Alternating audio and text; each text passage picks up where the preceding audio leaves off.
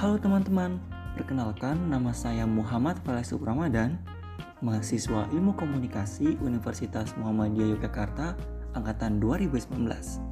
Selamat datang di Ekata Podcast.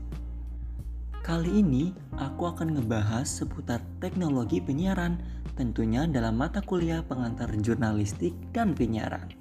Sebelum itu, apa sih definisi penyiaran?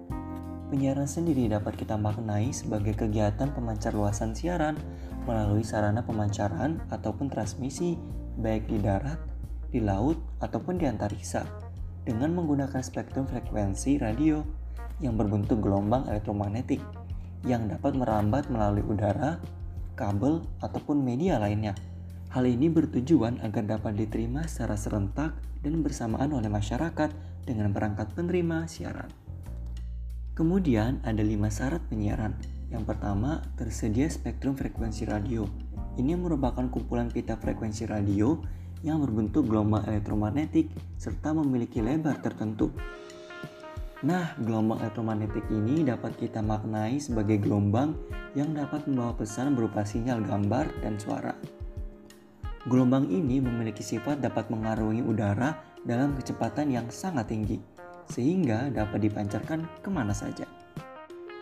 Syarat yang kedua ialah sarana pemancar, terdiri dari mikrofon yang mengubah bunyi menjadi sinyal listrik.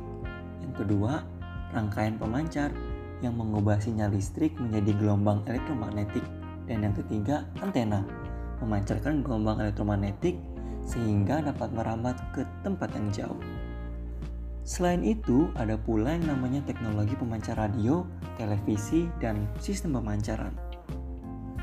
Teknologi pemancar radio ini dibagi menjadi dua, yaitu amplitude modulasi atau AM dan juga frekuensi modulasi atau FM. Kemudian, teknologi pemancar televisi ini terdiri dari pemancar suara dan gambar. Dan yang terakhir, sistem pemancaran terbagi menjadi dua, secara terestrial dan satelit. Untuk saat ini, kita lebih banyak menggunakan sistem pemancaran satelit karena lebih jelas dan jernih.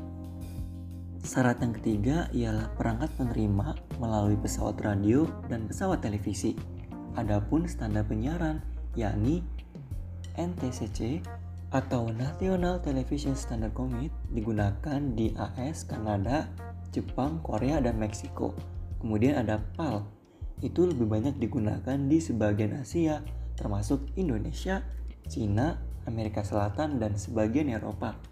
Dan yang ketiga, secam digunakan di Perancis, Asia Tengah, dan Afrika. Nah, yang membedakan ketiga standar ini ialah jumlah bingkai gambar per detik, jumlah garis setiap frame, dan jumlah frekuensi yang digunakan. Sebenarnya sih lebih ke kecepatan ya. Untuk PAL dan secam ini sebanyak 25 fps, sedangkan NTSC ini 30 fps. Nah, apabila FPS-nya rendah, akan mengakibatkan gambar terkesan blur dan tak enak dilihat. Syarat yang keempat ialah siaran atau program acara. Ini merupakan pengaturan penayangan program di stasiun televisi ataupun radio. Pada umumnya, pihak programming itu mengatur jadwal penayangan satu program TV ataupun radio berdasarkan perkiraan kecenderungan penonton pada program tersebut. Misalkan pengaturan jadwal tayang siaran berita di pagi hari. Nah, ini disesuaikan dengan kecenderungan peminat penonton siaran berita tersebut. Dan yang terakhir, dapat diterima secara serentak oleh masyarakat dengan menggunakan perangkat penerima siaran seperti radio, televisi, komunikasi data pada jaringan, dan media lainnya. Well guys, mungkin segini dulu nih podcast kali ini. Semoga dapat bermanfaat bagi teman-teman semua ya.